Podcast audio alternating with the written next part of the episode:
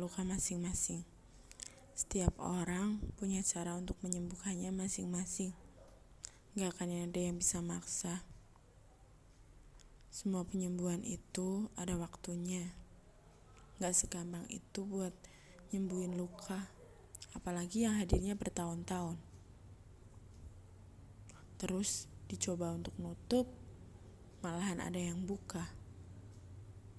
Kita nggak pernah tahu. Orang lain selalu punya caranya sendiri. Begitupun dengan kita. Yang bisa kita lakukan, support dia supaya lukanya bisa nutup. Meskipun kita nggak bisa nutup luka itu, setidaknya jangan sampai kita juga mengulangi luka itu pada orang lain. Belajar memahami itu jauh lebih baik kan? Seperti yang selalu diajarkan. Semua bisa di nggak papain. Tapi yang namanya hati akan susah buat bilang nggak apa-apa kalau masanya lagi sakit hati. Bener kata orang.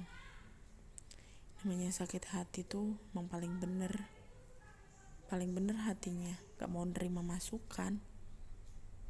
Makanya itu, jangan pernah mengambil keputusan ketika hatimu sedang panas.